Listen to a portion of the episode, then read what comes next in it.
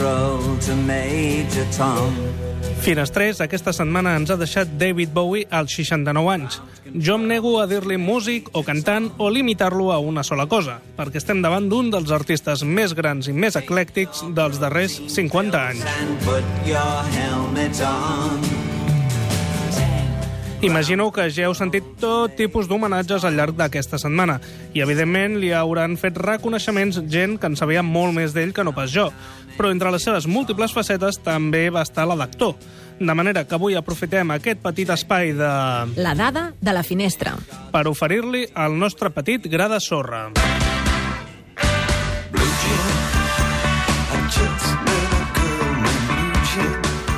Com a actor el van veure a pel·lícules curioses com Gigoló, Cuando llega la noche de John Landis, Principiantes, Encadenadamente tuya, Gunslingers, Everybody Loves Sunshine, El secreto del senyor Rice, fent de Nikola Tesla, El truco final de Christopher Nolan, i fins i tot es va atrevir a sortir fent d'ell mateix a Extras, la sèrie de Ricky Gervais, Zoolander o School Rock Band. She got. Va ser Andy Warhol al biopic de Basquiat. Va ser Poncio Pilates a l'última tentació de Cristo de Martin Scorsese i va aparèixer a la pel·lícula de Twin Peaks. Però per nosaltres, les cinc pel·lícules més decisives de la seva carrera són aquestes. Didn't know what time it El hombre que cayó a la Tierra, de Nicholas Rogue, el 1976, va ser el seu debut com a protagonista. Interpretava un alienígena que baixava a la Terra per buscar aigua i començava a prosperar socialment gairebé sense voler.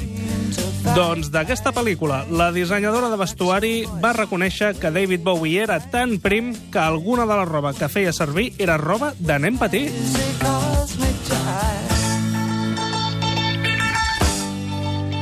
David Bowie va voler col·laborar a la banda sonora amb moltes idees que van ser refusades. Moltes d'elles es van reaprofitar al seu àlbum Low. See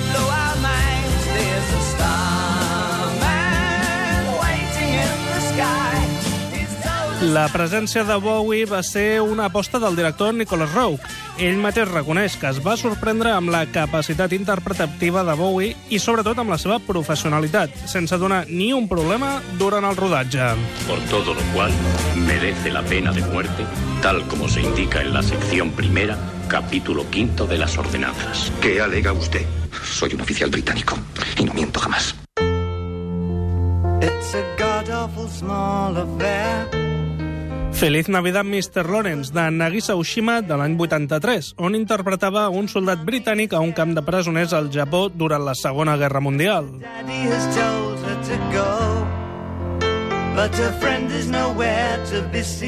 David Bowie deia d'aquest rodatge que el seu director, Nagisa Oshima, dirigia els actors japonesos amb molta dedicació, mentre que els actors occidentals només els deia «feu allò que sabeu fer». But the film is a sad. Va ser el primer film de parla anglesa on es va veure a Takeshi Kitano. She could spit in the eyes of fools. Entre els actors també hi havia una altra estrella del rock, Ryuichi Sakamoto, que també va aportar a la banda sonora. Quan va veure el film van passar dues coses. Va dir d'ell mateix que era molt mal actor i es va desmaiar degut a la duresa de la pel·lícula. Sigue cambiando. ¿Qué se supone que debo El único modo de salir de aquí es probando una de las puertas. Una de ellas lleva al castillo en el centro del laberinto y la otra lleva... Una muerte segura.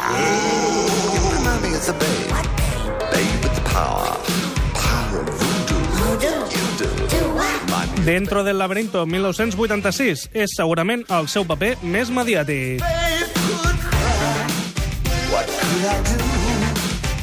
Michael Jackson va estar a punt de protagonitzar el film, tot i que el director Jim Henson preferia Sting. Al final, cap dels dos, David Bowie.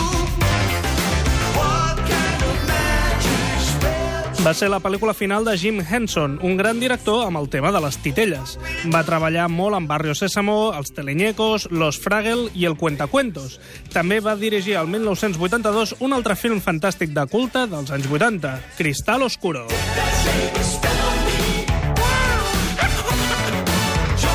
...48 titelles i 52 titellaires van ser fer servits en un dels balls de la pel·lícula i es van necessitar 200 parells de mans fetes amb làtex per a una altra de les escenes. Tot i que molta gent creu que va ser el film de debut de Jennifer Connelly, la realitat és que va debutar el 1984. El film era una vez en América de Sergio Leone. Afirma que el envejecimiento es una enfermedad, una enfermedad que se puede curar.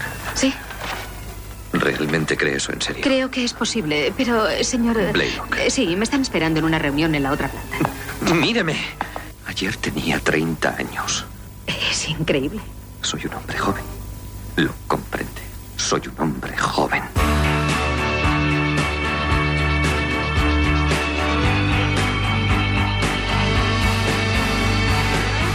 De les pel·lis de David Bowie, jo em quedo amb El una raresa total del 1983, on David Bowie era una mena de vampir que acompanyava una altra vampira, interpretada per Catherine Deneuve, i que junts seduïen a una doctora a qui donava vida Susan Sarandon perquè s'ajuntés amb ells en un triangle amorós. Va ser el debut de Tony Scott darrere la càmera, ni més ni menys. David Bowie va aprendre a tocar el cello per donar vida al seu personatge.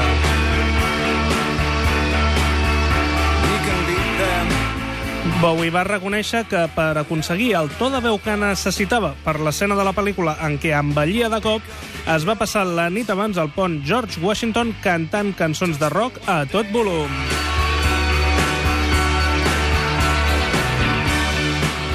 Susan Sarandon va confessar que va mantenir un afer amb David Bowie durant el rodatge d'aquesta pel·lícula. La pregunta seria, se'ls va afegir Catherine Deneuve alguna vegada? Gracias, pero ya tengo representante. Es... Yo opino que no. La verdad es que tienes talento. Es obvio, pero no importa lo que un hombre haga en su vida. Lo que importa es la leyenda que cree a su alrededor. Yo haré de ti una estrella.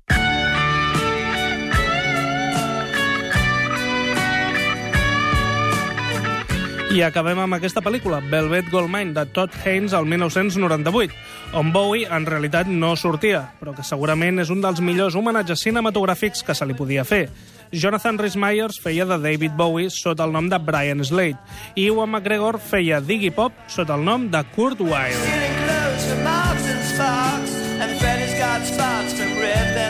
Tant Jonathan Rhys Meyers com Ewan McGregor cantaven les seves pròpies cançons. Només Rhys Meyers va ser redoblat alguna vegada pel cantant de Radiohead, Thom Yorke. Molts dels diàlegs estaven estrets dels escrits d'Oscar Wilde.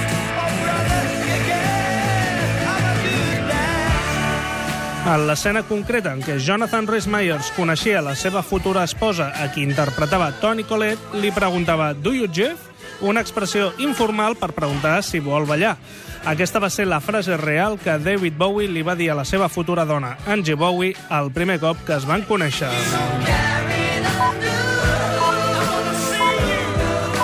El que deia, un gran homenatge a aquest artista que trobarem moltíssima falta. Sort que ens ha deixat tones de material en diferents disciplines per poder-lo recordar.